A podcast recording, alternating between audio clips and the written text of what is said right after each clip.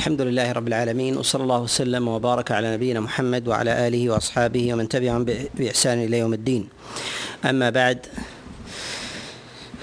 فهذا المجلس الأول من مجالس هذا العام وهو الخامس من شهر الله المحرم من العام السابع والثلاثين بعد الأربعمائة والألف. أسأل الله أن يجعله عاما مباركا وأن يوفقنا للعمل الصالح فيه. ثم أما بعد نتكلم في هذا المجلس على قول الله جل وعلا واعلموا أن ما غنمتم من شيء فأن لله خمسه. والكلام في مسألة الغنيمة تقدم في مواضع معنا آه، في كلام الله عز وجل من سورة البقرة. ذكرنا ذلك على سبيل الإجمال. كذلك أيضا تقدم معنا في سورة آل عمران شيء يسير من ذلك وتقدم معنا أيضا في صدر هذه السورة بسورة الأنفال. الكلام على شيء مما يتعلق بالغنيمة. وذلك على سبيل الإجمال في مسألة الغنائم وعلى سبيل التفصيل في مسألة الأنفال. في مسألة الأنفال. وينبغي أن نذكر على سبيل الإجمال أن الله سبحانه وتعالى قد جعل أموال الكفار المحاربين حلالا لأهل الإيمان. ولها أسماء فليست على اسم أو صنف أو نوع واحد وإنما هي على على أنواع. النوع الأول هي الغنائم وما يؤخذ هي ما يؤخذ من الكفار بالحرب والقوة فإنها تسمى تسمى غنيمة. الثانية هي الفيء.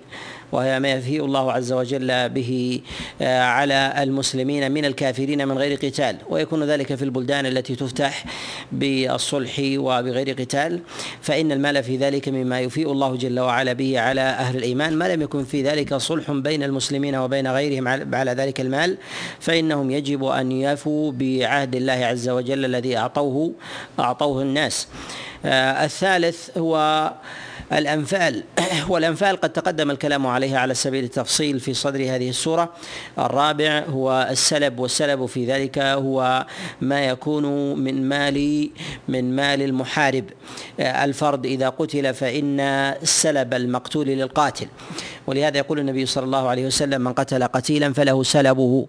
ويختلف العلماء في حد السلب وإن كانوا يتفقون في أصله وإن كانوا يتفقون في في أصله. فما يتعلق بما يتفقون فيه وما يتعلق بسلاحه الذي يقاتل به سواء كان آه، سهما أو كان رمحا أو كان سيفا أو كان بندقية محمولة فإنها من سلبه. كذلك أيضا ما كان معه من متاع مما يستتر به وذلك من درع أو كذلك خوذة أو مغفر أو ما في حكمها فإنها داخلة داخلة في سلبه.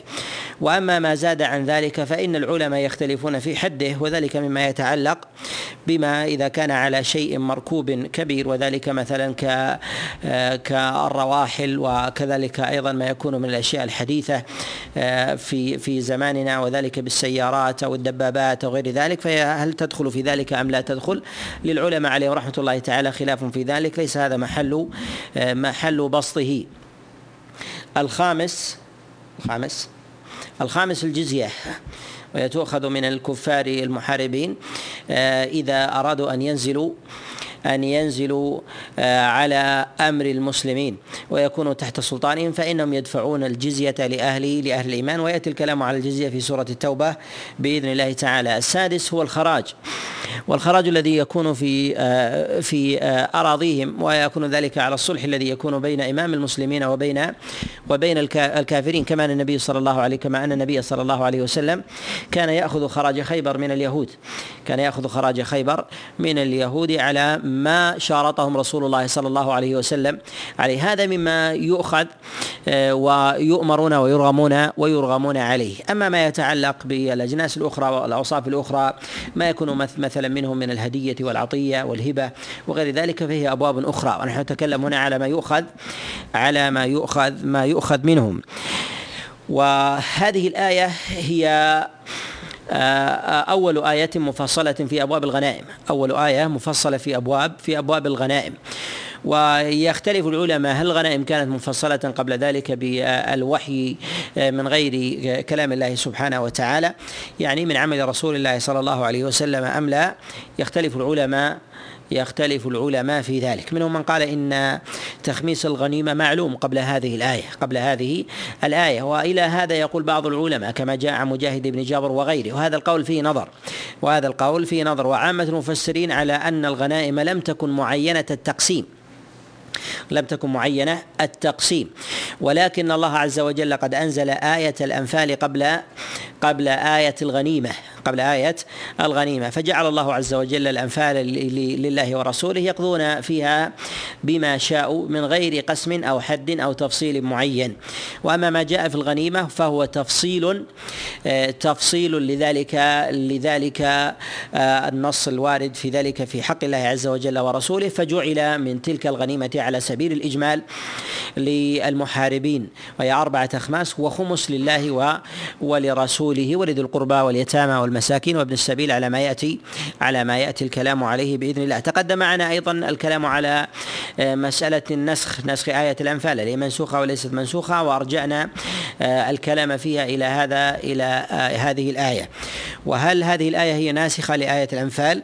باعتبار أن آية الأنفال مجملة.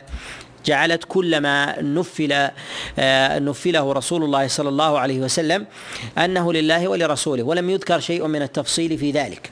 فهل هذه الآية في تفصيلها كانت ناسخة لتلك لتلك الآية السابقة أم لا؟ اختلف العلماء اختلف العلماء في ذلك على قولين. منهم من قال بالنسخ منهم من قال بالنسخ. وصح هذا عن عن عبد الله بن عباس فيما رواه علي بن أبي طلحة عن عبد الله بن عباس كما رواه ابن جرير الطبري وكذلك أيضا ابن أبي حاتم وغيرهم من آه، وغيرهم من الرواة نقلوا عن عبد الله بن عباس بأسانيد صحيحة أنه يقول أنه يقول بالنسخ. وجاء ذلك أيضا عن عطاء بن أبي رباح أنه يقول بأن هذه الآية هي ناسخة لايه لآية الأنفال. ومن العلماء من قال بعدم النسخ. من العلماء من قال بعدم بعدم النسخ أن هذه الآية محكمة والآية الأولى كذلك أيضا محكمة. وحملوا آية الأنفال على معاني. قالوا آية الأنفال هي في حكم النفل أنه باقي و ولم ينسخ يعني أنه للحاكم وللأمير وقائد الجيش أن يأخذ نافلة من الغنيمة. نافلة من من الغنيمة. قالوا قالوا فحكمها ثابت لم ينسخ فحكمها ثابت لم ينسخ وإنما كان حكمها موسعا ثم ضيق. حكمها كان موسعا ثم ثم ضيق أو كان مجملا ثم ثم بين. أو كان مستقرا بينا على قول مجاهد بن جبر أن الغنائم كانت معلومة وأن النفل فيها كان معلوما وهو ما يتعلق بالخمس الذي جعله الله عز وجل آه، لرسوله صلى الله عليه وسلم يتصرف فيه على على ما يراه من المصلحة. قالوا فذلك فذلك بين أنه من الخمس والآية جاءت مثبتة للحكم السابق وهذا قد رواه ابن أبي نجيع عن مجاهد بن جبر ومرسلا عن رسول الله الله صلى الله عليه وسلم ولا يصح عنه وعلى ما تقدم أن آية الغنائم هي أول آية بينت الحكم فلم يكن ثمة دليل على أن الحكم قد اتضح قبل ذلك وهذه السورة على ما تقدم أنها جاءت نزلت بتمامها وتفاصيلها في غزوة بدر على رسول الله صلى الله عليه وسلم وهل نزلت على سبب مجملة أو نزلت مفصلة في النازلة فنزل ابتداؤها آه، في أول الغزوة ثم كان بعد ذلك لما رجع رسول الله صلى الله عليه وسلم إلى المدينة. الظاهر في في فعل النبي عليه الصلاة والسلام في غنيمة بدر أنه وزعها رسول الله صلى الله عليه وسلم على آه، على غير تقسيم الغنيمة. يعني أن حكم الغنيمة جاء بعدما قسم رسول الله صلى الله عليه وسلم أنفال أنفال غزوة غزوة بدر ويدل على أن الحكم لم يكن مفصلا قبل ذلك. والدليل على ذلك أن النبي عليه الصلاة والسلام التزم بهذا التقسيم وهو التخميس بعد غزوة بدر. بعد غزوة بدر وكان في بدر على على الأنفال يعني جعلها النبي عليه الصلاة والسلام آه، مفصلة. يتفق الأئمة الأربعة وتقدم معنا الإشارة إلى هذا على أن حكم الأنفال ثابت. أن حكم الأنفال ثابت. ومنهم من يقول بالنسخ ومنهم من لا يقول بالنسخ. منهم من يقول بالنسخ ومنهم من لا يقول بالنسخ. وحكم الأنفال في ثبوته عند الأئمة الأربعة آه، لا يعني من ذلك القول بعدم النسخ وذلك أنهم يثبتون النسخ بالسنة يثبتون النفل بالسنة يثبتون النفل في سنة النبي عليه الصلاة والسلام. ولو قالوا بنسخ هذه الآية في صدر سورة سورة الأنفال. وتقدم معنا الإشارة إلى مسألة كلام العلماء عليهم رحمة الله تعالى في مسألة الأنفال. ما هو موضعها؟ إذا قالوا بأنها محكمة. ما هو الموضع؟ وتقدم ذكر الأقوال معنا في آه، الدرس آه، الدرس السابق. ونتكلم في هذا المجلس على ما يتعلق بمسألة بمسألة الغنائم وهي ما أخذت من المشركين بالقتال. أخذت من المشركين آه، بالقتال وهذا جرى عليه الاصطلاح وهذا جرى عليه جرى عليه الاصطلاح. ويجوز أن تسمى الأنفال غنائم والغنائم أنفال وكذلك أيضا يسمى الفيء غنيمة ويسمى كذلك نفلا ويسمى كذلك نفلا ويجوز أن يسمى السلب كذلك أيضا نفلا ويسمى كذلك غنيمة ويسمى غنيمة. إذا هي من الألفاظ المشتركة من وجه وعامة من وجه من وجه آخر وعلى كل يعرف تخصيص ذلك المعنى بسياق الحديث المروي أو بالآية الواردة في كلام الله سبحانه وتعالى فإنها تبين ذلك ذلك الحكم بخصوصه. في قول الله جل وعلا واعلموا أن ما غنمتم من شيء فأن لله خمسه الله سبحانه وتعالى بين تفصيل الغنيمة وقدم ذلك بالأمر بالعلم. أن يعلموا أن الله عز وجل قد قضى في أمر الغنيمة آه، بقضائه فجعلها فجعلها الله سبحانه وتعالى اخماسا. والغنيمة إذا نظرنا إلى هذه الآية نجد أن الله عز وجل قد قسمها إلى إلى قسمين. هذا من جهة الاجمال لا من جهة التفصيل. فمن جهة الاجمال هي مقسمة إلى قسمين. القسم الأول الخمس وهو الذي جعله الله عز وجل لله ولرسوله ولذي القربى واليتامى والمساكين وابن السبيل. فهذا هو القسم الأول وهو الخمس. والقسم الثاني هي أربعة أخماس. والقسم الثاني هي أربعة أربعة أخماس وهي للمقاتلين. وهي للمقاتلين. فإن الآية إنما جاءت في سياق المقاتلين المجاهدين في سبيل الله. مقاتلين المجاهدين آه، في سبيل الله فذكر الله سبحانه وتعالى حقهم في الغنيمة في قوله جل وعلا واعلموا أن ما غنمتم يعني أيها المقاتلون أن ما غنمتم. فذكر الله عز وجل الغنيمة وأضافها إليهم لأنهم يستحقونها. فأخرج الله منها الخمس الذي له ولرسوله ولذي القربى واليتامى والمساكين وابن السبيل. وبهذا نعلم بطلان من يقول أن الغنيمة جميعا لرسول الله صلى الله عليه وسلم يفعل فيها ما شاء ولا يوجد فيها تقسيم للمقاتلين. وذلك أنهم حملوا معنى الأنفال على معنى الغنيمة. قالوا فهذه الآية في الغنيمة جاءت من الله سبحانه وتعالى آه، مزيد بيان لا نسخ ولا مزيد تفصيل عن آية عن آية الأنفال عن آية الأنفال. وهذا القول وهذا القول يقول به بعض السلف. قد نسب إلى بعضهم نسب ذلك إلى إبراهيم النخعي وكذلك مكحول وكذلك أيضا نسب إلى إلى عطاء وفي هذه النسبة نظر وفي هذه النسبة نظر. فلا أعلم احدا من الصحابة وكذلك أيضا من التابعين من لم يجعل الغنيمة مقسمة. وجعل الأمر فيها جعل الأمر فيها للأمير أن يفعل فيها ما يشاء. ولو اعطاها واحدا أو أعطاها عشرة أو أعطى أكثر من ذلك أو أقل. وإنما هذا قول لبعض من تأخر. وأما نسبته لإبراهيم النخعي وكذلك أيضا آه، لمكحول وعطاء ففي هذه النسبة نظر. والسبب في ذلك أن الروايات التي جاءت عن هؤلاء سواء كانت جاءت عن مكحول وكذلك عطاء وإبراهيم النخعي أنهم سئلوا عن السرية. عن السرية تغنم فنفلهم الإمام ما غنموا قال فله فله ذلك. يريد أنه نفل هذه السرية ولم ينفل بقية الجيش ولم ينفل بقية الجيش. هو نفلهم ما غنموا هم نفلهم ما غنموا هم. وليس المراد بذلك أن هذا أن هذه المسألة هي أن الغنيمة إنما تكون لي آه، لله ولرسوله ويخلو في ذلك رسول الله قائد الجيش والجند فإنه يفعل فيها ما يشاء فينفذ ما شاء فنقول هذه دليل على مسألة أخرى أن سري أنه إذا كان ثمة سرية من سرايا المسلمين انفردت بغزو بعض آه، الكافرين أو في جهاتهم ثم أصابوا مالا. أنه للحاكم أن ينفلهم ما أصابهم على سبيل الانفراد لا أن يجعل بقية الجيش شركا في تلك في تلك الغنيمة فهي مسألة مسألة أخرى هي مسألة أخرى. أما الغنيمة الذي يصيبها الجيش جميعا الذين يغزون بلدا أو أو ثغرا من الثغور أو جهة من أو ناحية من من النواحي ثم يصيب الناس جميعا ذلك ذلك المال. فإنه حينئذ يكون ذلك غنيمة يقسم في ذلك على على المقاتلين. إذا نظرنا إلى القسم الأول نجد أن الله سبحانه وتعالى قد ملكه له ولرسوله ولذي القربى واليتامى والمساكين وابن السبيل. فهل يعني من ذلك أنها تقسم على على ستة أم لا؟ ذلك أن الله عز وجل ذكر حقه لله ولرسوله ولذي القربى واليتامى والمساكين وابن السبيل. هل يعني أن هذا الخمس يقسم إلى على أسداس؟ فكل واحد يكون له له سدس. نقول لم يقل بذلك أحد إلا ما جاءنا بالعاليه رفيع بن مهران فيما رواه عنه الربيع عند ابن جرير وكذلك أيضا عند ابن أبي حاتم ولم يوافق على هذا. بل حكم بعض العلماء على هذا القول بالشذوذ أنه ليس المراد بذلك أن تكون اسداسا ليس المراد بذلك أن تكون أساسا وإنما هو بيان لأولى الحقوق التي تكون في في الناس. فقد تكون في حق واحد وقد تكون في حقين وقد تكون في أكثر من ذلك أو أو أقل. ورب ربما للحاكم أن يعيدها في القسم الثاني. يعيد الخمس الأول إلى الخمس الثاني فتكون قسمة أيضا.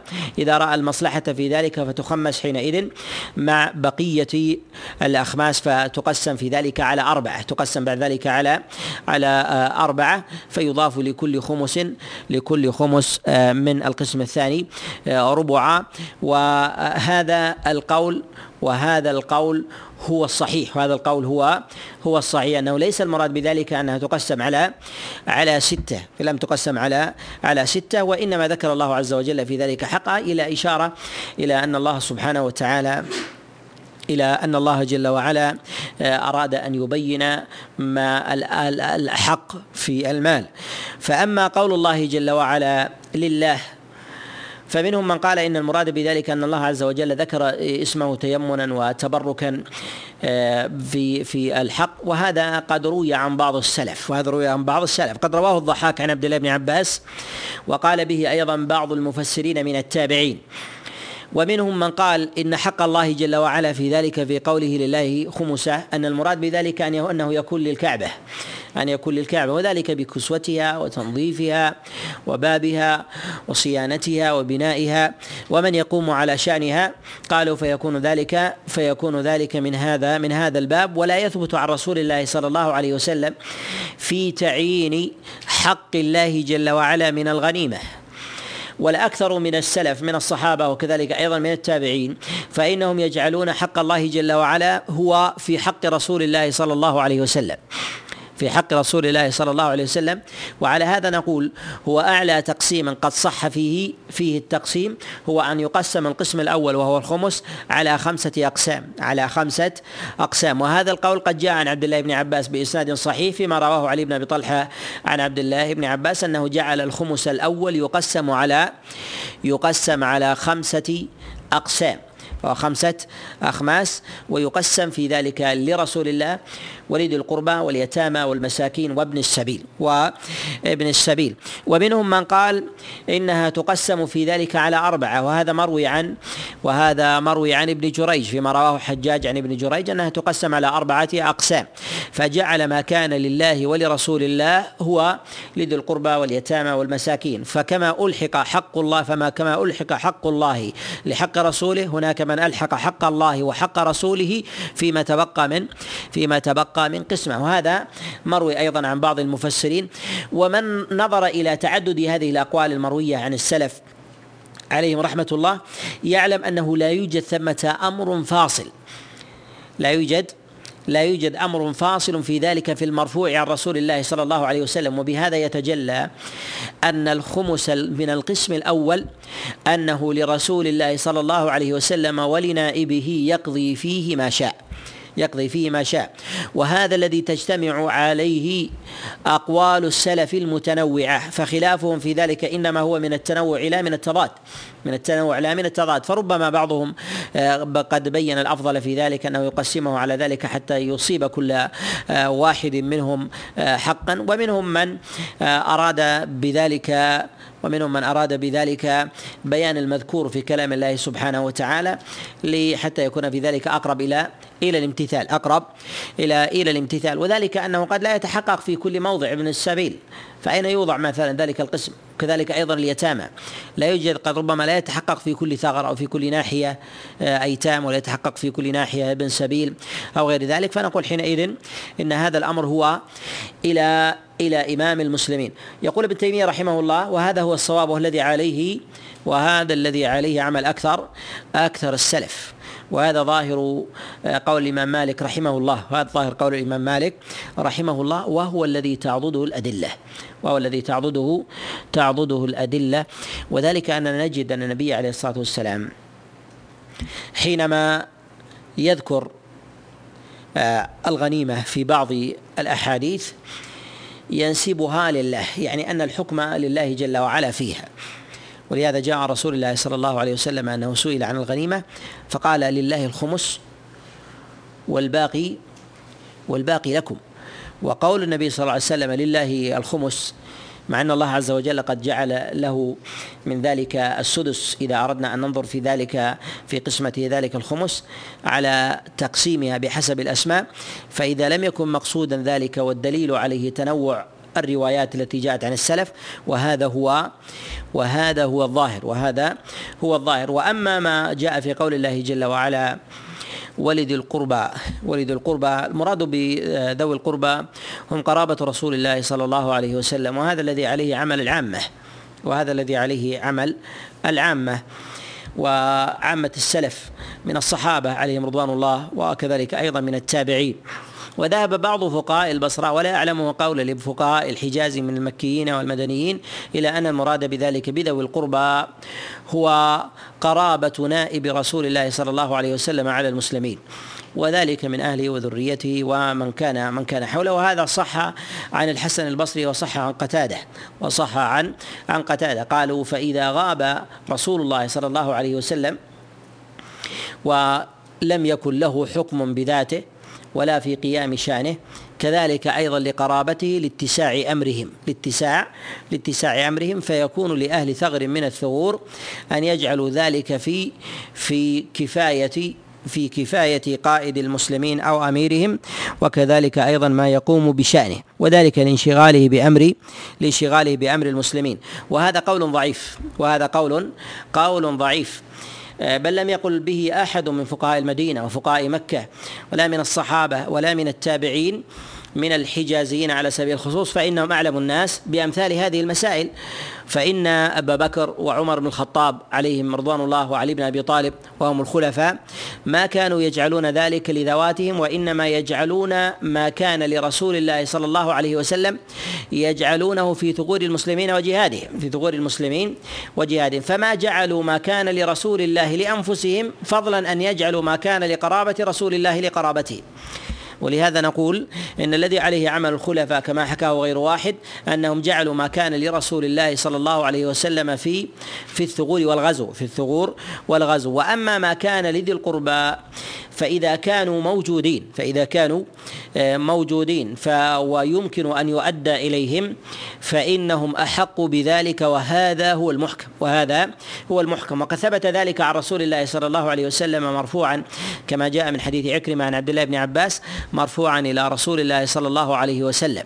كما قال النبي عليه الصلاة والسلام أرغب بكم عن أدران الناس. ولكم خمس الخمس ولكم ولكم خمس الخمس. ومراد بذلك هو تخميس ما كان من القسم القسم الأول ما كان من القسم الأول وجاء ذلك معناه موقوفا على عبد الله بن عباس عليه رضوان الله تعالى. وقرابة رسول الله صلى الله عليه وسلم هم بنو هاشم وبنو المطلب بنو هاشم وبنو وبنو المطلب. ولا يدخل في ذلك بنو عبد شمس وبنو نوفل وإن كانوا إخوة فهؤلاء جميعا هم أبناء عبد مناف أبناء آه، عبد مناف. ولذلك لأن النبي صلى الله عليه وسلم يقول كما جاء في البخاري من حديث جبير بن مطعم قال بنو هاشم وبنو المطلب سواء. بنو هاشم وبنو المطلب سواء. ذلك لما جاء جبير بن مطعم وعثمان بن عفان إلى رسول الله صلى الله عليه وسلم لما أعطى النبي عليه الصلاة والسلام ولم يعطي ولم يعطي النبي صلى الله عليه وسلم آه، عبد شمس وبني نوفل فبين النبي عليه الصلاة والسلام أن أمرهم يختلف وذلك أنهم لما لما تواطأت قريش على رسول الله صلى الله عليه وسلم قام معه بنو بنو المطلب. منهم من قام معه ديانة لله عز وجل ورأوا صدق رسول الله صلى الله عليه وسلم ومنهم من قام معه حمية وذلك لأبي طالب وحمية آه، أيضا للرحم حمية للرحم بخلاف بني عبد شمس وبني نوفل فإنهم لم يكونوا مع رسول الله صلى الله عليه وسلم فإنهم تمالوا مع قريش على النبي صلى الله عليه وسلم إلا أفرادا إلا أفرادا قليلا. وكذلك أيضا نقول منهم من وهذا الأشهر أن المراد بذلك هم قرابة رسول الله صلى الله عليه وسلم بني هاشم وبني المطلب ومنهم من قال إنهم في بني هاشم خاصة. والقول الأول هو الأشهر والقول الأول هو الأشهر وهو الذي عليه الأكثر. وهو الذي عليه الأكثر. فإذا قلنا إنه في بني هاشم آه، فإنه يدخل في ذلك آه، آل علي وآل جعفر وآل العباس وآل الحارث بني آه، عبد المطلب فإنهم يدخلون في ذلك. ومن باب أولى يدخل أيضا بنات رسول الله صلى الله عليه وسلم وأزواجه. لم يدخلون يدخلون في ذلك. وإنما كان لهم من من الغنيمة الخمس لأن الله عز وجل حرم عليهم حرم عليهم أخذ الزكاة. حرم عليهم أخذ الزكاة. وهل الزكاة محرمة على آل بيت رسول الله صلى الله عليه وسلم؟ آه، بإطلاق. وكل صدقة داخلة في ذلك. نقول لا يختلف العلماء على أن الزكاة المفروضة محرمة على على آل بيت رسول الله صلى الله عليه وسلم. ولهذا خصوا بالخمس من المغنم. خصوا بخمس الخمس من المغنم أو كان لهم نصيب من الخمس على القول بأنه يضرب آه، في ما كان في ذلك من من الصالح. وأما بالنسبة للصدقة إذا لم تكن آه، من الزكاة وذلك من الصدقة العامة هل لهم أن يأخذوا منها؟ وهل تحل لهم أو لا؟ أو لا تحل لهم؟ نقول قد اختلف العلماء في ذلك على قولين. اختلفوا في الصدقة غير المفروضة. فهل لهم أن يأخذوها أو لا يأخذوها على قولين والأرجح في ذلك أنهم يأخذون منها. وهذا هو الصواب. وهذا هو هو الصواب. وقد رجح ذلك جماعة من الأئمة وقالوا به كأحمد بن حنبل وذهب إليه بعض المحققين من الأئمة من أصحاب أحمد كأبي يعلى وذهب إليه ابن تيمية إلى أن الصدقة صدقة التطوع لآل البيت أن يأخذوا منها. لآل البيت أن يأخذوا منها. وإذا لم يكن لهم نصيب من الخمس إذا لم يكن لهم نصيب إذا لم يكن لهم نصيب من الخمس. ولا يوجد صدقة أيضا يأخذونها. فهل تحل لهم الزكاة المفروضة؟ أم لا تحل لهم؟ نقول إن الله سبحانه وتعالى إنما ضرب لهم أو منعهم من الزكاة وأخذها لأن لهم من الخمس. وإذا لم يكن لهم شيء من الخمس فإنهم يأخذون من الزكاة المفروضة.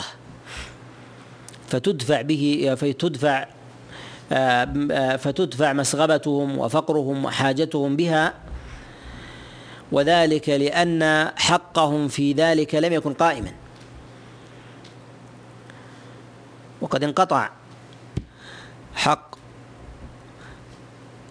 آل بيت النبي عليه الصلاة والسلام وقرابته من الخمس في المغنم منذ زمن بعيد إلا ما ندر في أحوال ضيقة.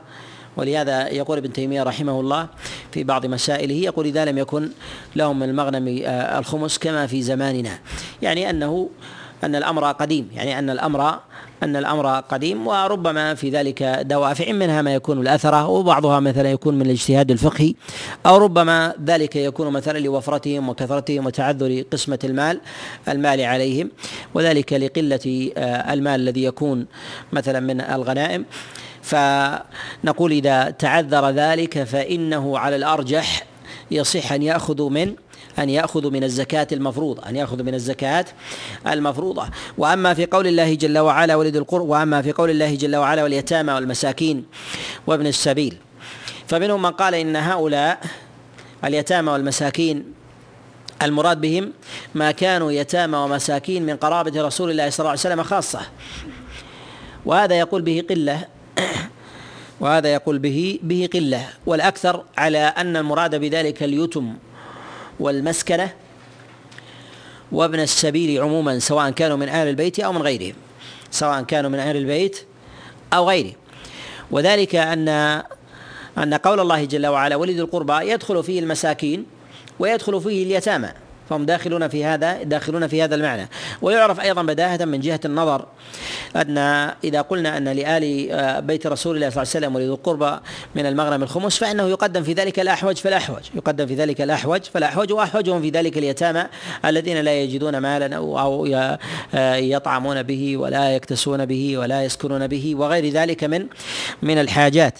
فنقول إن المراد بذلك هو عموم المحتاجين. هم عموم المحتاجين.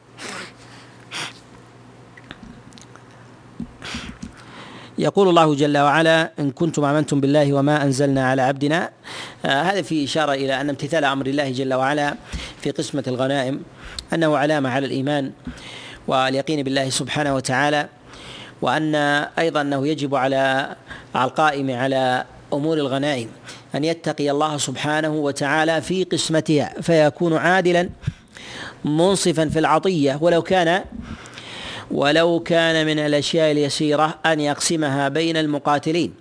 ولهذا يقول النبي صلى الله عليه وسلم يقول النبي صلى الله عليه وسلم كما جاء في حديث عبد الله بن شقيق عن رجل من بلقين قال أتيت إلى رسول الله صلى الله عليه وسلم فسألته عن الغنيمة. فسألته عن الغنيمة. قال النبي صلى الله عليه وسلم حتى السهم تخرجه من جنبك لست بأولى به من أخيك.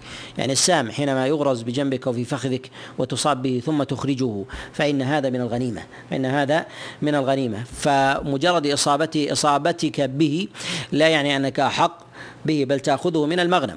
به يعلم أنه حتى الشيء اليسير. ولهذا النبي صلى الله عليه وسلم كما جاء في المسند من حديث عبادة بن الصامت أنه قال صلى بنا رسول الله صلى الله عليه وسلم فعمد إلى وبرة من من الغنم أو من الإبل فقال النبي صلى الله عليه وسلم هذه من الغنيمة. فقال النبي عليه الصلاة والسلام هذه من من الغنيمة. وجاء عن رسول الله صلى الله عليه وسلم أيضا أن النبي عليه الصلاة والسلام قال أدوا المخيط أدوا الخيط والمخيط. أدوا الخيط والمخيط الصغير والكبير. يعني هذا أنه حتى لو كان شيئا يسيرا. تقدم معنا في قول الله جل وعلا ما كان لنبي ان يغل تقدم معنا الكلام على الغلول في الغنيمة وأنواع الغنيمة وذكرنا أيضا أن الغنائم على قسمين نذكره على سبيل الاختصار أن الغنائم على على قسمين. القسم الأول قسم لا قسم ينتفع به في حاله فلا ينقل أو لا قيمة له اذا إذا أبقي وانتظر فيه فهذا يجوز للإنسان أن ينتفع منه وذلك كالماء. وكالثمار الذي يكون في الشجر يأكل منه الإنسان.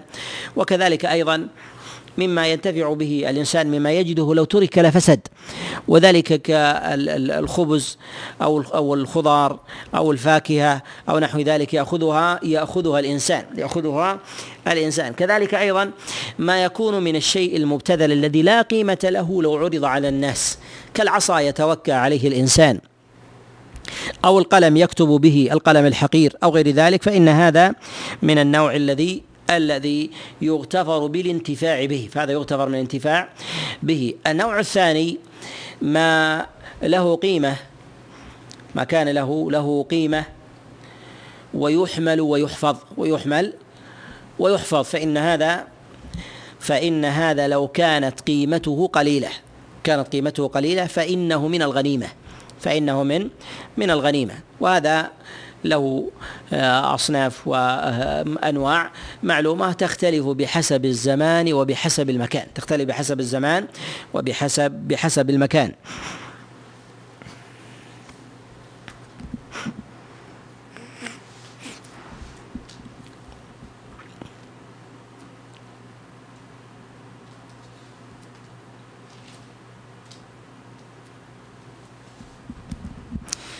في قول الله جل وعلا إذ يريكهم الله في منامك قليلا.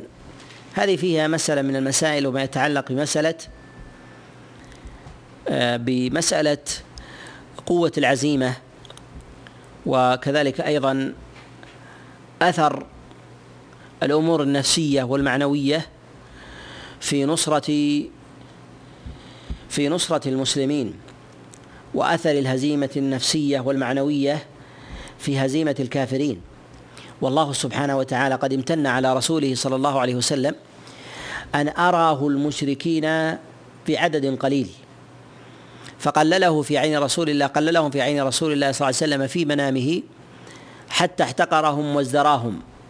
فرأى الصحابة في وجه رسول الله صلى الله عليه وسلم العزيمة والقوة فكان في ذلك تقوية لعزائمه.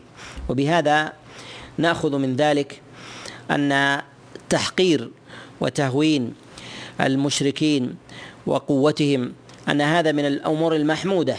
ما لم يكن ذلك تغريرا ما لم يكن ذلك تغريرا والقاء بالمسلمين إلى التهلكة. فيفرق بين أمرين فيفرق بين بين أمرين. الأمر الأول هو التحقير لأجل التغرير فيحقر في في قيمة العدو وعتاده والمسلمين عزل ويكون في ثمرة ذلك التحقير تغرير بالمسلمين وإلقاء بهم إلى إلى التهلكة. والثاني ما كان تحقيرا بالمشركين وبقوتهم ولو كان لهم قوة وبأس لأن في المسلمين من القوة ما ينتصرون به على عدوهم إذا قويت عزائمهم وصح إيمانهم. إذا قويت عزائمهم وصح وصح إيمانهم.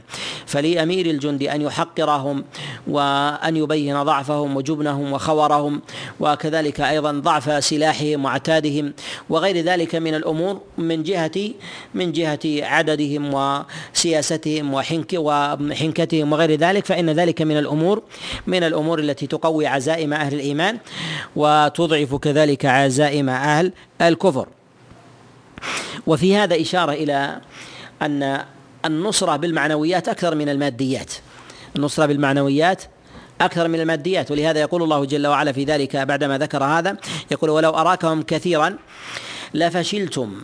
يعني أن النبي صلى الله عليه وسلم قوى عزائم أصحابه حتى آه، وجدوا في أنفسهم من القوة والثبات ما انتصروا به على على المشركين. يقول ابن أبي نجيح عن مجاهد بن جبر قال لفشلتم. يعني لو أراكهم كثيرا لرأى أصحابك الفشل في وجهك ففشلوا. رأى الفشل في وجهك ففشلوا والمراد بقوله الفشل في وجهه عليه الصلاة والسلام يعني آه، الرحمة بالمؤمنين والخوف عليهم من المشركين فإن ذلك ربما ربما يكون سببا في فشل وضعف المسلمين وقوه وقوة المشركين المشركين عليهم.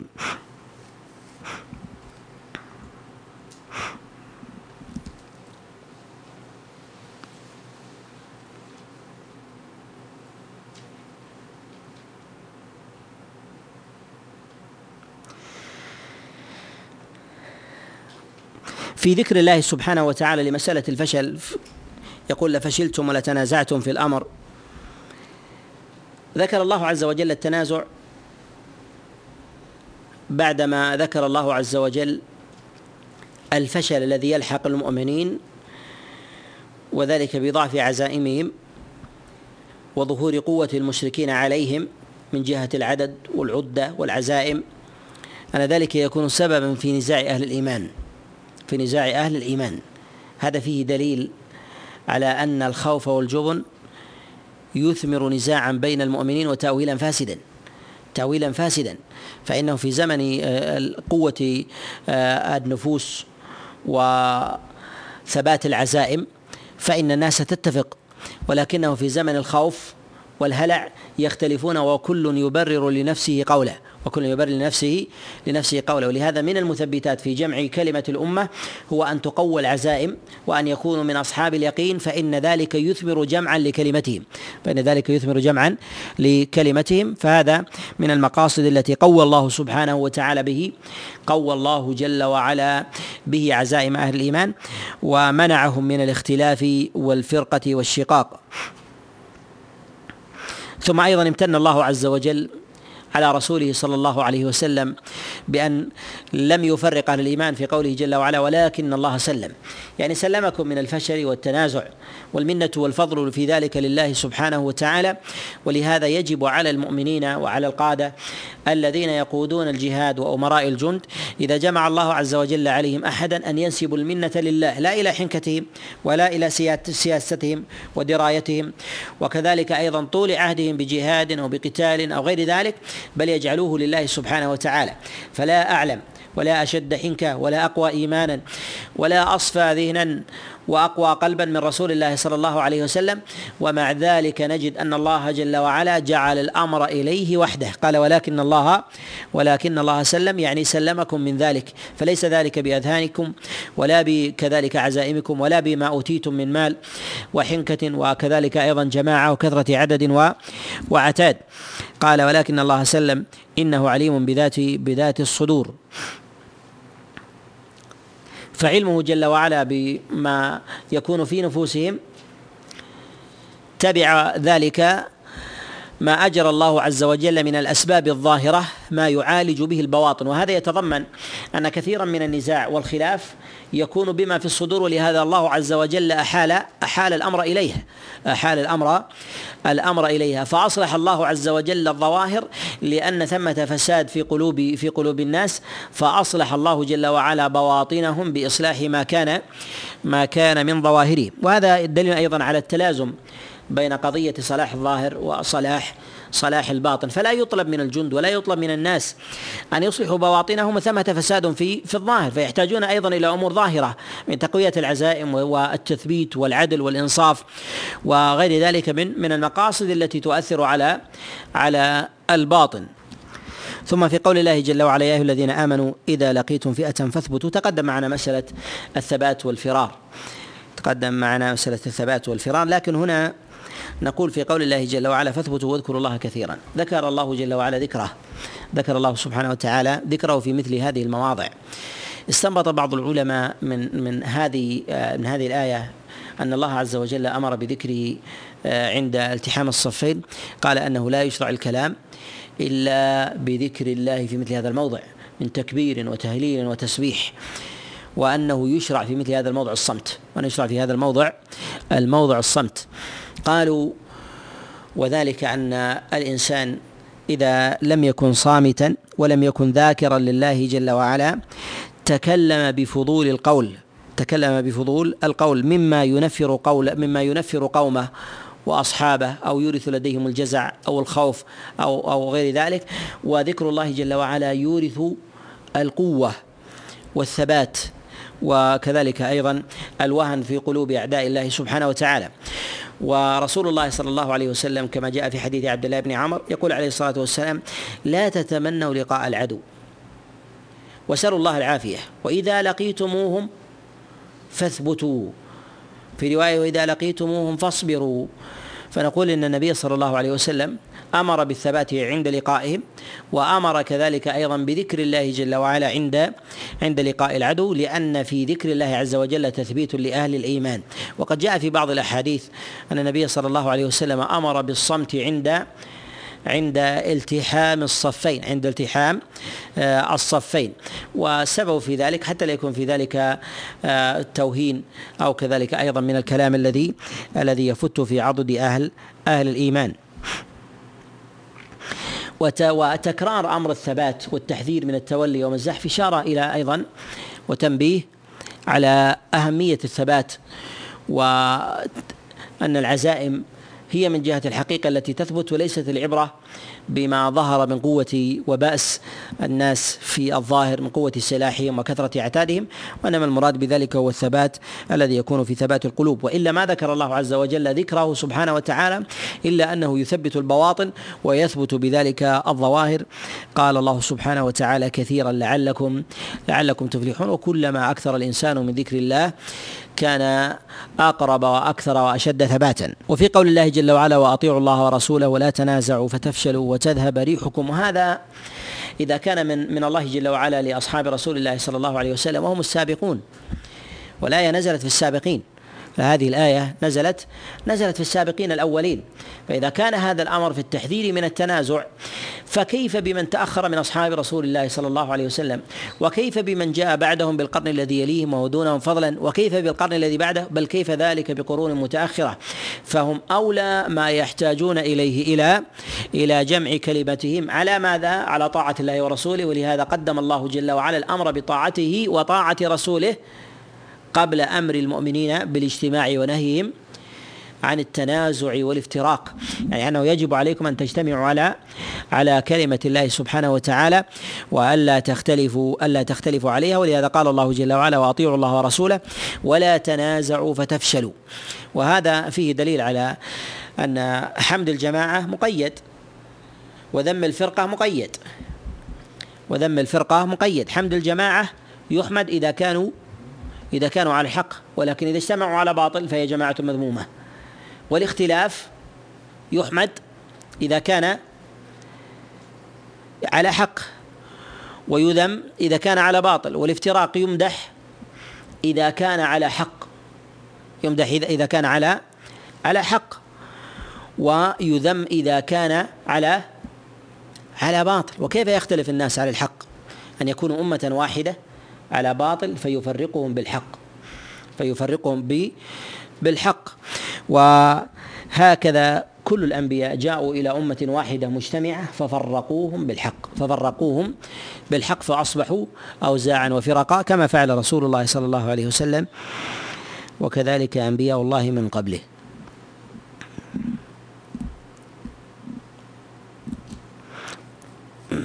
وقول الله جل وعلا هنا وتذهب ريحكم المراد بذلك هي قوتكم. الريح هي هي القوة كما فسر ذلك جماعة كمجاهد بن جبر وغيره. وفي قول الله جل وعلا واصبروا إن الله مع الصابرين. إشارة إلى أن الاجتماع يحتاج إلى صبر وإكراه للنفس وكسر لها ويحتاج كذلك أيضا إلى قوة عزيمة. وأن أقل الناس صبرا على الاجتماع هو أقل الناس صبرا في مقابل العدو. فإذا لم يصبر على جماعة المسلمين فإنه لن يصبر على قتال المشركين. يصبر على قتال المشركين وهذا أمر شرعي ظاهر وهو سنة كونية موجودة أن من لم يصبر على الاجتماع لا يصبر على لقاء العدو لا يصبر على لقاء لقاء العدو.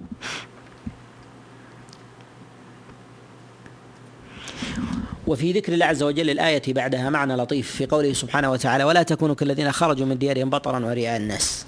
أن السرائر هي أعظم أسباب الاختلاف والافتراق وإن كسي الخلاف في الظاهر على خلاف هذا المراد.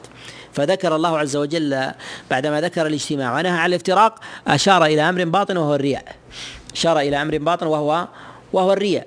فالطمع بالسيادة والوجاهة والطمع بالمال أو الحظوة أو غير ذلك هي دخائل دفينة في نفوس في نفوس الناس تدفعهم إلى الافتراق فيتذرعون بأشياء مخالفة يتذرعون بأشياء مخالفة لبواطنهم وذلك بنسبة الخلاف إلى مصلحة الإسلام وقوتهم أو شوكتهم أنه هذا هو الأولى وهذا الأصلح. أقوام يطلبون الشجاعة للسيادة وأقوام يطلبون الجبن وذلك للخور وكذلك أيضا للسلامة. فما كل من طلب الإقدام طلب الحق فربما يريد من ذلك جاها. وجاهه في ذلك القوة والوجاهة فيه. ومنهم من يطلب هو الإحجام عن امتثال أمر الله سبحانه وتعالى وغايته من ذلك السلامة. غايته من ذلك من ذلك السلامة. فيكسو كل واحد رايته وقوله بكساء من الشريعة. وهو من جهة الحقيقة هي أمور دفينة مما يتعلق بحظ بحظ النفس. في قول الله جل وعلا في قول الله جل وعلا الذين عاهدت منهم ثم ينقضون عهدهم في كل مرة. ذكر الله عز وجل اليهود الذين ناقضوا رسول الله صلى الله عليه وسلم عهده. وهذا فيه معنى أنه يجوز للمسلمين أن يعاهدوا من نقض العهد أكثر من مرة. ولهذا ما ذم الله جل وعلا المعاهدين للمشركين الذين نقضوا عهدهم وإنما ذم الناقضين للعهد. ولهذا إذا كان في مصلحة المسلمين أن يقيموا عهدا مع ناقض العهد ورأوا مصلحة في ذلك يرجى يكتسبون فيها قوة والتحاما ولو يوما فإن ذلك من الأمور المحمودة. ولهذا ذكر الله سبحانه وتعالى الذين نقضوا العهد مرات متعددة على رسول الله صلى الله عليه وسلم ومع ذلك ما ذم رسول الله وأصحابه لأنهم عاهدوا من عرف بذلك النقض.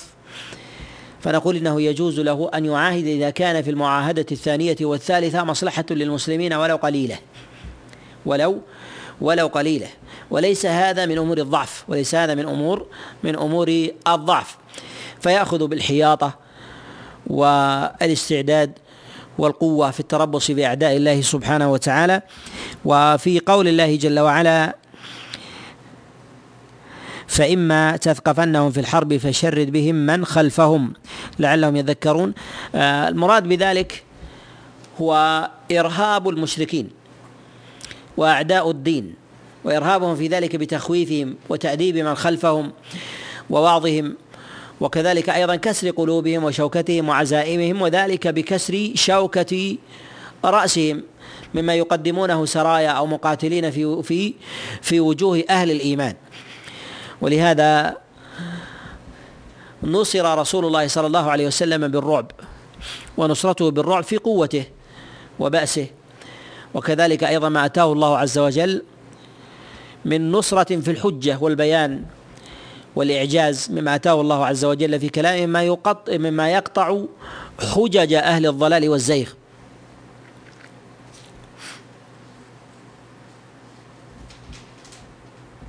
وفي قول الله سبحانه وتعالى وإما تخافن من قوم خيانة فانبذ إليهم على سواء.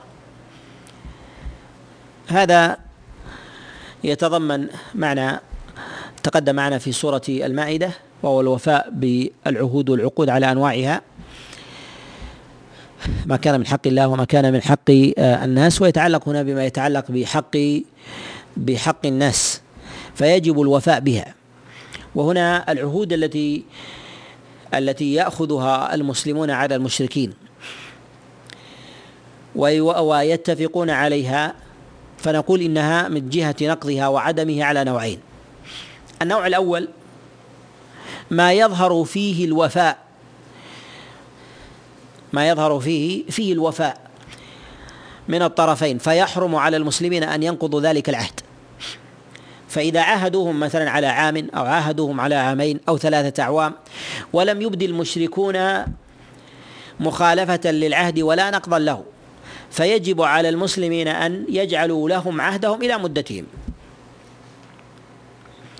وجوبا ولو كان المسلمون في زمن توقيع العهد في زمن ضعف ثم تقووا ولو ينتهي العهد فإنه يجب عليهم أن يمدوا العهد على ما اتفقوا عليه. الثاني إذا بان من المشركين قرائن في نقض العهد وذلك كأن تبلغ الأخبار الصحيحة أنهم يتربصون ويكيدون بالمسلمين المكائد ويعدون العدة لتبييتهم قبل انقضاء العهد. فهذا يجوز للمسلمين أن ينبذوا إليهم عهدهم قبل انتهاء المدة. بل قد يجب عليهم ذلك ويتعين حماية للمسلمين من كيدهم ومكرهم وتربصهم بالمسلمين أن يبيتوهم من حيث لا يشعرون. ولهذا في قول الله جل وعلا وإما تخافن من قوم خيانة. يعني خيانة للعهد الذي عاهدتم عليه. فما الواجب على المسلمين؟ هل يبيتوهم كما هؤلاء يرتبون على تبييت المؤمنين؟ نقول لا يجوز لهم ذلك. ولكن الواجب على المسلمين أن ينبذوا إليهم عهدهم أن يخبروهم أن عهدكم الذي كان بيننا وبينكم أنه مفسوخ. فإذا أخبروهم فإنهم يأتونه على بينة. ولو كان المشركون يريدون تبييت المسلمين بغير علمهم وعلى غرة من أمرهم. ولكن المسلمين لا لا يعاملونهم بذلك. ولهذا رسول الله صلى الله عليه وسلم يقول ولا تخن من خانك.